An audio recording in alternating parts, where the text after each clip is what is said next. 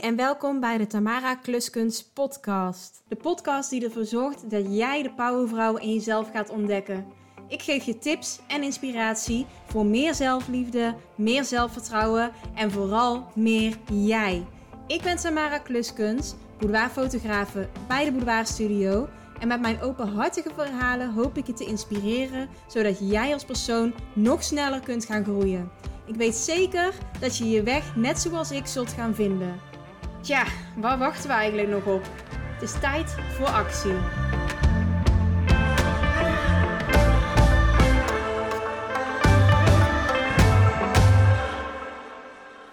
Welkom bij alweer de elfde aflevering van de Tamara Kluskunst podcast. Elf weken geleden begon ik met het opnemen van mijn eerste podcast. Ja, en inmiddels al bijna drie maanden verder. Het valt niet tegen, moet ik zeggen. Ik vind het echt heel erg leuk om te doen. En uh, ja, vandaag gaan we het hebben over hypnotherapie. Ik ben vorige week bij een hypnotherapeut geweest. Uh, onder andere om mijn skiangst aan te pakken.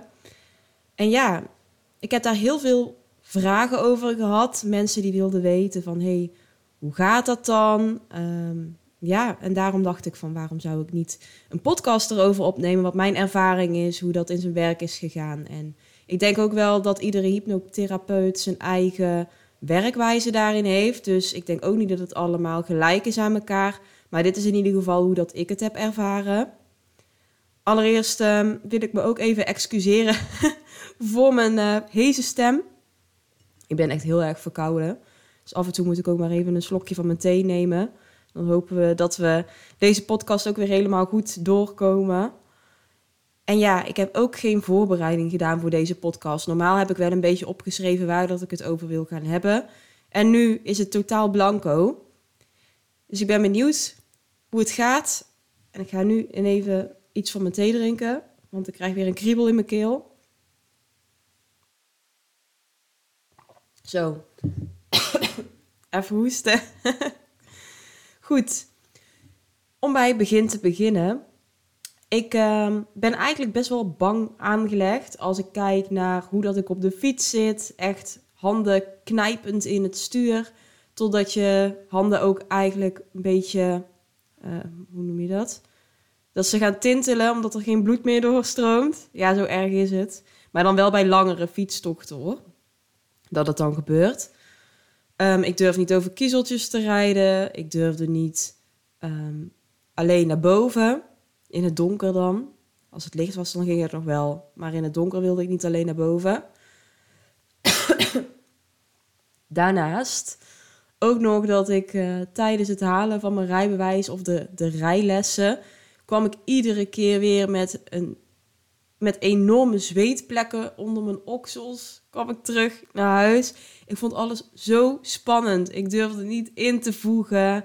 Um, enerzijds was het ook wel een beetje, um, ja, hoe noem je dat? Dat je bang bent om een fout te maken, denk ik. Want in het begin werd je altijd gezegd van nu moet je doorschakelen, nu moet je doorschakelen. En op een gegeven moment moet je dat dan zelf gaan doen. Maar ik durfde dan die beslissing niet te maken, omdat ik bang was dat ik op een verkeerd moment zou doorschakelen. En uh, ja, dat het dan fout zou zijn. Dus eigenlijk was voor mij iedere les, iedere rijles was al een examen. Zo ook met keyboardles trouwens. Ik heb een hele lange tijd ook keyboardles gehad. Van mijn veertiende tot en met mijn achttiende.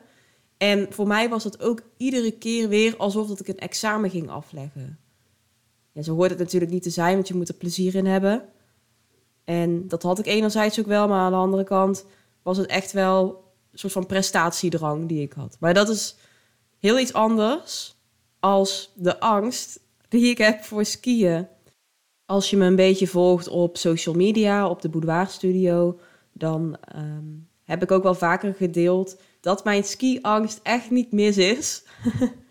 maar dat ik het zo graag wil leren ook omdat mijn partner Tommy dat zo erg, ja, hij vindt dat gewoon de leukste sport die er is. En ieder jaar gaan we dus skiën en ik kan er eigenlijk helemaal niks van, heb ik het idee. Um, ja, soms dan zeggen andere mensen ook van het valt echt wel mee, lukt allemaal wel.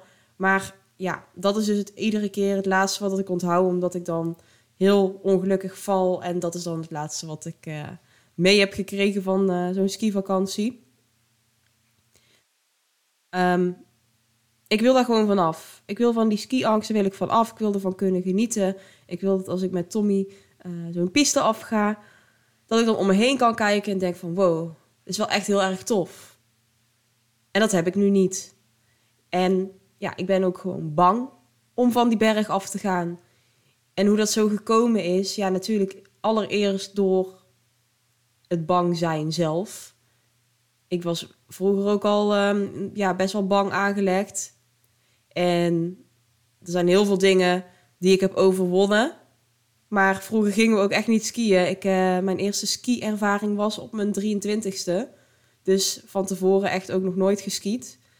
En stond ik op die berg in Frankrijk, in de Franse Alpen. Met, uh, samen met mijn schoonouders. Volgens mij ook met mijn schoonbroer nog erbij. En met Tommy. En wij hebben dus een huisje, een familiehuisje in de Franse Alpen. Die ligt direct aan de skipiste. Wat betekent dat als je van het huisje weg skiet, dat je dan eerst naar beneden moet gaan om een skipas te gaan halen. Dus skischoenen aan, skispullen mee, naar boven gelopen, skis aan. En toen was het zo van, ja, nu moet je hier naar beneden. En ik dacht, oh nee. Maar die andere pistes in Snow World en weet ik het wat, die waren allemaal veel gemakkelijker. En dit heeft allemaal bergjes en hobbels en het is echt een pad naar beneden, zo'n kronkelpad. Hoe moet ik dit in godsnaam gaan doen? Ja, dat ging dus echt wel uh, vallend, met heel veel frustratie, heel veel huilen. En uiteindelijk was ik dan beneden, skipas gehaald. Eigenlijk wilde ik toen al niet meer. maar goed, ja, je gaat toch maar gewoon door.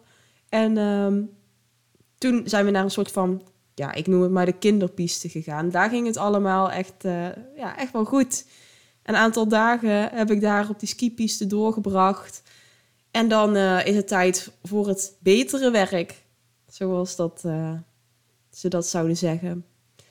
Dus andere pistes en op een gegeven moment is ook wel stukken waarvan je denkt: oh nee, nee, nee, nee, dit ga ik echt niet doen. Maar ja, over het algemeen, het ging allemaal best wel goed, maar ik kon er echt niet van genieten. Ik had echt wel uh, van die soort van paniekmomenten. En zo is het eigenlijk altijd gebleven. Dus ieder jaar stond ik op die berg met paniek, kloppend hart, um, zweetaanvallen. En uiteindelijk dus ook tot tien tellend de berg af om rustig te blijven. Ja, dat is niet hoe dat je gaat wintersporten. Wintersport moet iets leuks zijn, dan moet je van kunnen genieten. En dat is dus ook wat uh, uiteindelijk mijn doel zou zijn. Ik denk dat uh, er heel veel mensen zouden zeggen van ja, weet je, dit is misschien niet voor jou. Geef het gewoon op. Maar ik denk ook, ik doe het enerzijds natuurlijk wel voor mezelf. Want ik zou er heel graag van willen kunnen genieten. En samen gezellig met Tommy willen gaan skiën. En natuurlijk doe ik het dus ook wel een beetje voor Tommy.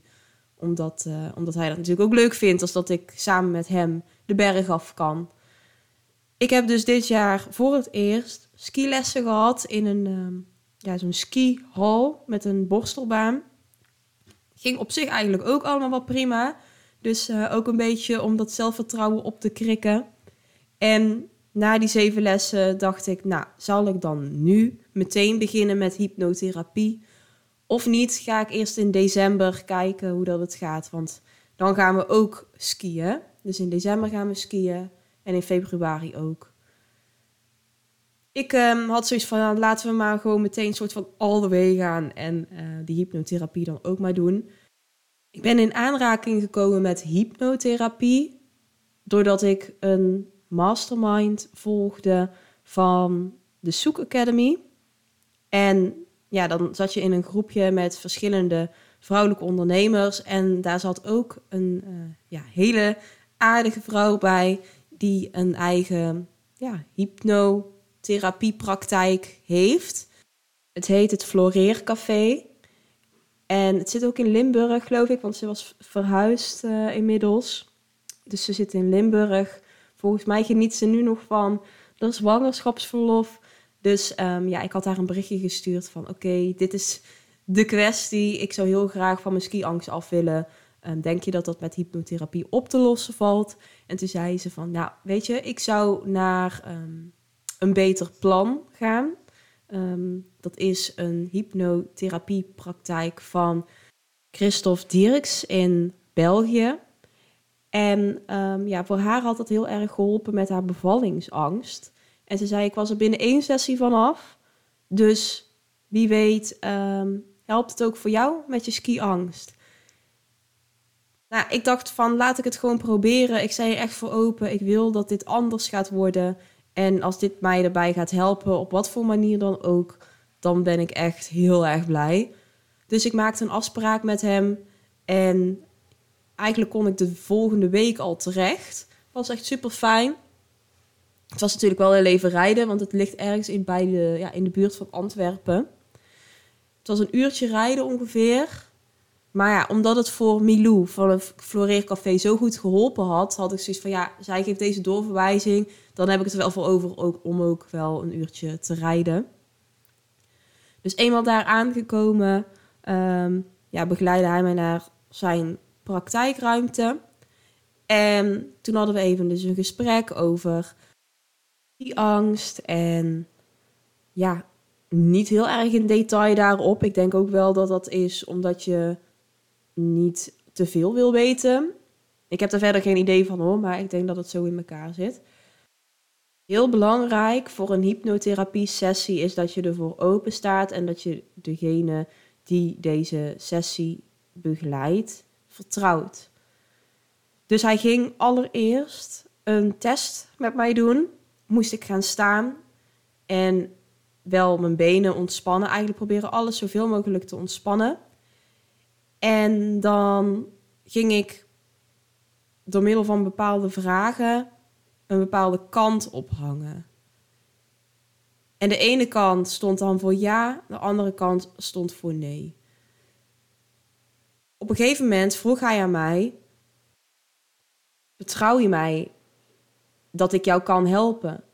Dat ik jou mag helpen?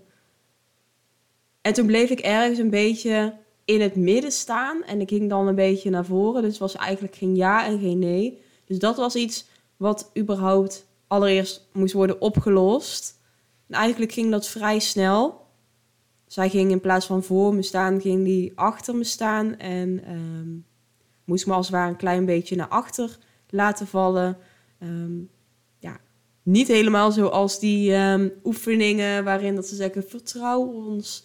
En uh, dat je dan compleet moet laten vallen, want andere mensen je moeten opvangen. Zo was het niet.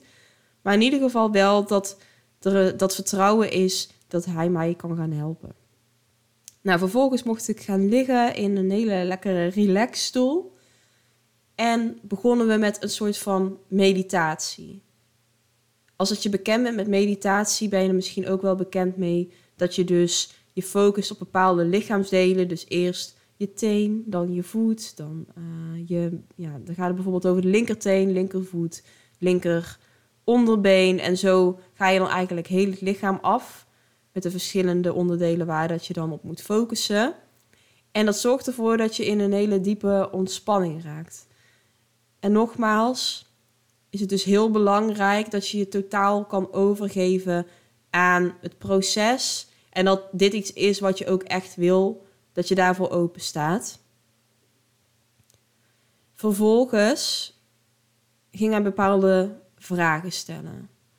En daar horen natuurlijk ook antwoorden bij. Dus allereerst gingen we kijken van oké, ehm, wat is de ja-vinger en wat is de nee-vinger? En dan denk je, huh, waar heb je het dan over? Jouw vingers gaven dus aan wat het antwoord was. En hoe doen ze dat? Nou, je kunt het een beetje vergelijken met wanneer dat je in een bijna slaapstand bent, zeg maar. Dus als dat je bijna in slaap valt, dat je dan zo'n schokje krijgt. En dat is eigenlijk vergelijkbaar met wat er met je vinger gebeurt. Dus hij stelde eerst de vragen van, nou, ehm, als dat ik het antwoord met, of, eh, de vraag met ja zou beantwoorden, welke vinger, met welke vinger zou je dat dan aangeven? Nou, bij mij was dat mijn wijsvinger en nee was mijn middelvinger. Vervolgens ging hij vragen stellen over ehm, mijn geboorte, waar je in je vier fases hebt. Dat je in de buik zit, dat je in het geboortekanaal zit, de geboorte zelf. En natuurlijk vergeet ik er dan weer één, want ja, dat is altijd zo. Maar hij stelde daarbij vragen als: ehm, Is hier iets gebeurd waar Tamara zichzelf voor zou moeten vergeven, waar ze anderen voor zou moeten vergeven? Ehm, en als dat, dat dan zo is, kan die hogere zelf, dat onderbewustzijn, kan het ervoor zorgen dat zij zichzelf hiervoor vergeeft. Nou, in dat stadium viel er eigenlijk niks te vergeven, want um, ik antwoordde op alles nee, met mijn vinger dus. En toen hadden we een aantal vragen um, die eigenlijk best ook wel een soort van confronterend waren. Want toen hadden we het over op een schaal van 1 tot 10 hoe graag wilde Tamara in deze fysieke gedaante op de wereld komen? En met hoeveel zelfvertrouwen is Tamara op de wereld gekomen? En die schaal van 1 tot 10, dat werkte dan zo dat hij zei van nou 1, 2, 3 en zo verder. En op het moment dat hij dus dat cijfer noemde, dan uh, ging mijn vinger omhoog. En eigenlijk uh, bijvoorbeeld bij het gedeelte over zelfvertrouwen ging mijn vinger omhoog bij het cijfer 7. Nou, vind ik op zich best niet slecht. Met zoveel zelfvertrouwen op de wereld gekomen. Um, ja, gedurende de tijd en alle dingen die je meemaakt, uh, werd dat wel een stuk minder. Zoals ik in andere podcasts ook wel um, heb gedeeld. Maar goed, de 7 was, was een mooie. Maar um, over de vraag hoeveel zin, hoe, hoe content dat ik ermee was om uh, in deze fysieke gedaante op de wereld te komen, was het antwoord vier. En zo waren er nog een aantal vragen. Ik vond vier vond ik ook best wel heftig. Als je maar achteraf je denkt, want je bent overal gewoon bij. Het is niet dat je in een of andere trance bent en dat je helemaal niet door hebt wat er allemaal gebeurt. Of dat je dingen gaat herleven. Um, dat je antwoorden gaat geven op vragen waar je helemaal geen antwoord op wil geven. Zo werkt het niet. Want ja, eigenlijk praat je dus met je vingers ja of nee. Er worden vragen gesteld. Ja of nee is het antwoord. Um, maar ik merkte wel dat tijdens die vragen begon mijn hart eigenlijk ja, heel hard te kloppen. En ik had het gevoel alsof ik moest huilen. Ja, op een gegeven moment gebeurde dat dus ook. Het was zoiets geks. Um, ik had eigenlijk een beetje datzelfde gevoel als wanneer dat ik dus op die berg stond en in een soort van paniek raakte. Terwijl ik voelde me helemaal niet zo op dat moment in de zin van ik was wel ontspannen, maar dat waren gewoon emoties die er op de een of andere manier uit moesten. Ja, en daarna gingen we gewoon weer verder, want ja, je wil gewoon in die ontspanning blijven, dus niet te veel inhaken op waarom moet je nu huilen of bla bla bla. Nee, dat mag gewoon allemaal zijn. Um, en daarna gaan we weer verder. Nou, uiteindelijk kwamen we dus op het punt um, van een traumatische ervaring. En dat is eigenlijk het enige moment waarop ik zelf heb gesproken. Um, toen werd de vraag gesteld: hoe oud was je bij deze traumatische ervaring? Het is ook niet dat ik het helemaal voor me zag, wat voor situatie dat het dan was of zo. Maar ik voelde voor mezelf dat ik toen 12 jaar was. Dus ik zei 12. Waar dat, dat cijfer vandaan komt, het zat gewoon in mij en het moest eruit. Het klinkt allemaal best wel gek misschien, um, maar ik sta wel open voor dit soort dingen. En uh, dus ik zei 12. Toen weer de vragen: um, is dit iets waar dat Tamara zichzelf voor moet vergeven? Um, moet ze iemand anders vergeven? Kunnen we dat voor haar regelen? Kunnen we haar laten vergeven voor um, datgene wat dat er gebeurd is. En zo um, vroeg je dus dan daarna ook van oké, um, is dit gelukt? Ja, nee. Uh, en zo ging die eigenlijk iedere keer als dat er dus iets voortkwam in de zin van traumatische ervaring of wat dan ook, stelde hij deze vragen en vroeg hij om vergeving vanuit mezelf. En ja, de bevestiging of dat het dan uh, gelukt was. En uiteindelijk, ja, waren we klaar met die hele sessie. En dan denk je wel, want hij vroeg mij aan het eind van de sessie, hoe voel je je nu? En wat ik zei was, ja, ik voel me eigenlijk een beetje raar of zo. Omdat je zo lang uh, natuurlijk ook op zo'n stoel gelegen met je ogen dicht. Want uiteindelijk de hele sessie duurde anderhalf uur. Um, je bent helemaal bij, nogmaals. Um, wel een diepe ontspanning. Maar het is dus niet zo dat je in een of andere trance bent waar je misschien niet meer uit zou komen of zo. Misschien wel geruststellend om dat te weten. Ik, ik denk dat er heel veel mensen zijn waarvan dat ze nu denken van oké, oh, als het zo werkt, dan zou ik misschien wel willen proberen. En de ontwetendheid hiervan, uh, hoe dat het in zijn werk gaat, maakt ook wel dat er veel mensen zijn, denk ik, die het niet proberen, omdat ze bang zijn dat ze dus in zo'n trance raken of dat ze dingen gaan herleven. Uh, dat ze weer in zo'n situ situatie terechtkomen. Uh, dat ze dus eigenlijk dat, dat niet willen herleven. Um, maar goed, ja, zo was het in ieder geval bij mij niet. Ik zei dus van, nou, ik voel me best wel gek. En ik ging daar weg en ik dacht, ja, geen idee of dat het nu gewerkt heeft. Goed, um, ik ging dus voor die skiangst. Maar ik merkte al snel dat het ook op andere dingen zijn uitwerking had. Want zoals ik al zei in het begin, ik durfde niet alleen naar boven in het donker. En het eigenlijk het eerste wat ik die avond deed, was naar boven gaan, lekker gaan douchen, rustig mezelf een beetje voorbereiden, want ik had uh, in de avond een afspraak. En later dacht ik, huh? Maar ik ben gewoon naar boven geweest. Ik heb gedoucht, ik heb allemaal rustig aangedaan. Het was niet zo dat ik zo snel mogelijk weer naar beneden wilde. Wat gek. En ja, dat was eigenlijk het eerste wat ik merkte. Van oké, ik voel me hier wel relaxter bij dan wat ik normaal gesproken ben. En zo ging het ook met het autorijden in het donker, ehm, het fietsen. Ja, het was echt een hele gekke gewaarwording. Het skiën moet ik dus nog ondervinden. Maar ik heb wel goede hoop.